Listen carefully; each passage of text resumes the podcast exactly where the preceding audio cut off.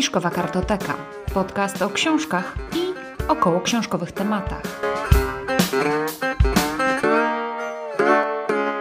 Cześć. Ja jestem Monika, a to jest podcast Fiszkowa Kartoteka. Zapraszam dzisiaj na drugi odcinek w cyklu Książkowe Fakty.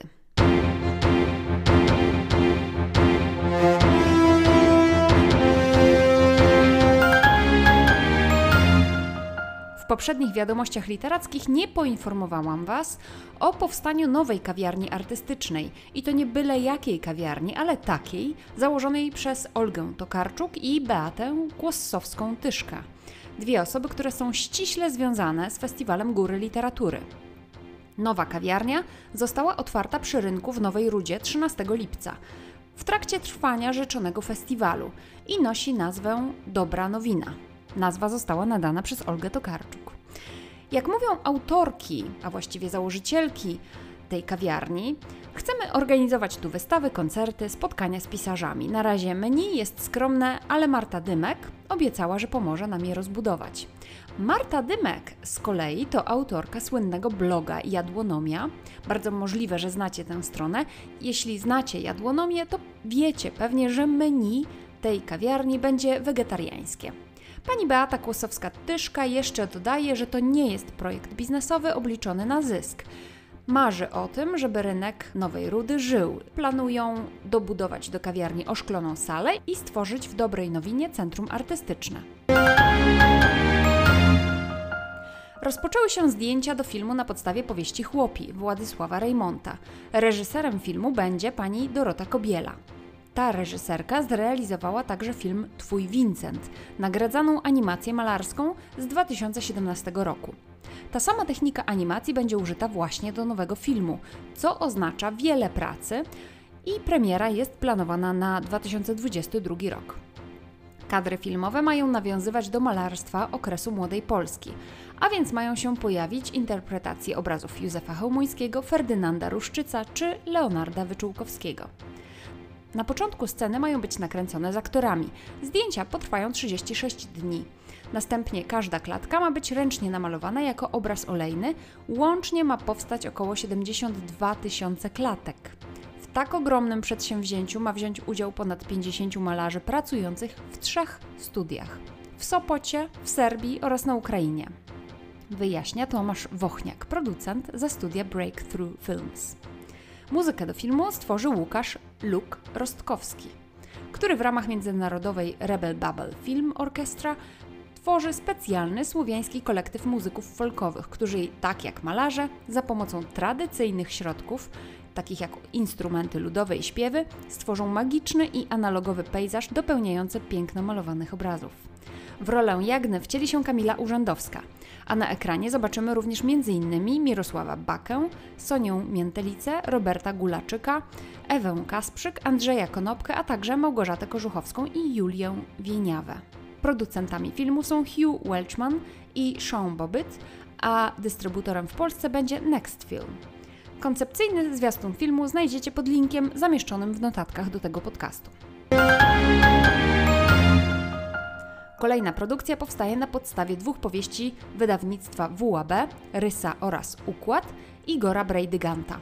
Sony Pictures Television, właściciel m.in. AXN, razem z telewizją Polsat rozpoczęli zdjęcia do serialu kryminalnego.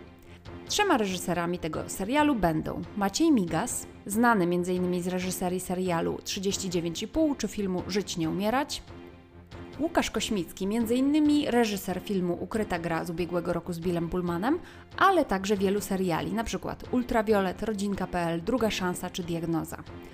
Oraz Leszek Dawid, znany z reżyserii filmu Jesteś Bogiem, ale też serialu W głębi lasu czy Krew z krwi. Scenarzystą wiodącym jest autor książek, czyli Igor Brejdygant, a drugim scenarzystą Bartosz Janiszewski, który tworzył scenariusz m.in. do świetnego serialu Watacha.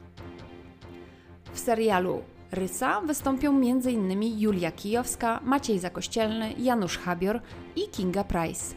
Zdjęcia będą realizowane w Warszawie i Gdyni. W Wielkiej Brytanii powstał ciekawy projekt Reclaim Her Name.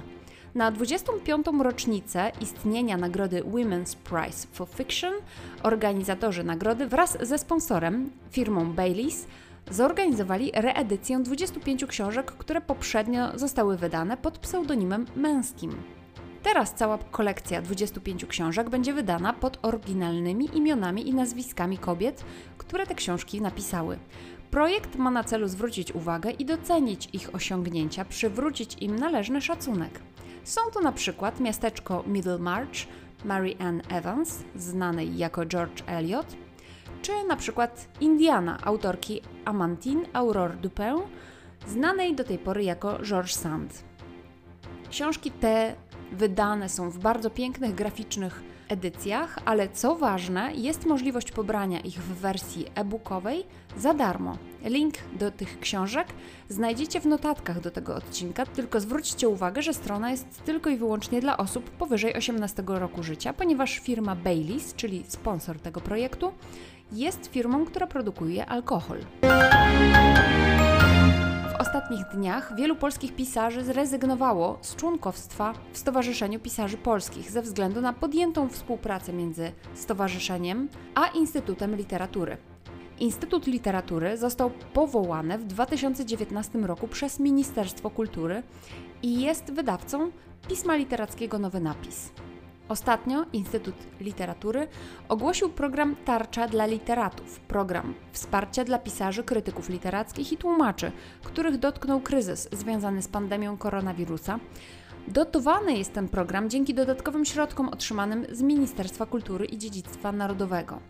Pieniądze mają być przeznaczone przede wszystkim na honoraria, na zakup licencji do publikowanych wcześniej lub premierowych tekstów, wierszy i opowiadań, ale też szkiców krytycznych i tłumaczeń.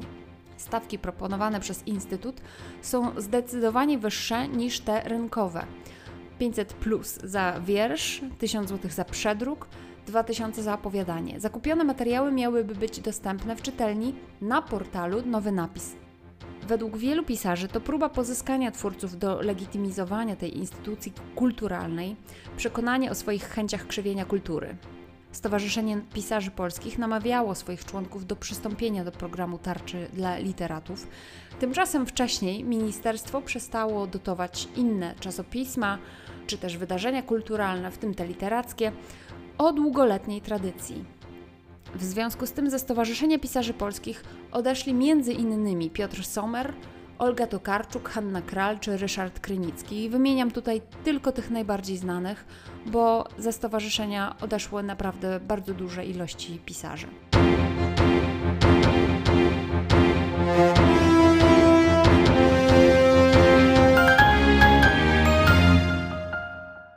Dziękuję za wysłuchanie tego odcinka. Zapraszam na kolejne. Jeśli macie ochotę na dodatkowy kontakt ze mną, to wpadnijcie na moje konto Instagramowe lub na Facebooku. Tam znajdziecie mnie pod nazwą Fiszkowa Kartoteka. Zajrzyjcie do notatek do tego odcinka, tam zamieściłam linki do wszystkich informacji, o których dzisiaj mówiłam. Zapraszam też do słuchania mojego drugiego podcastu Lubię Wiedzieć, gdzie mówię o różnych ciekawostkach. Do usłyszenia, cześć!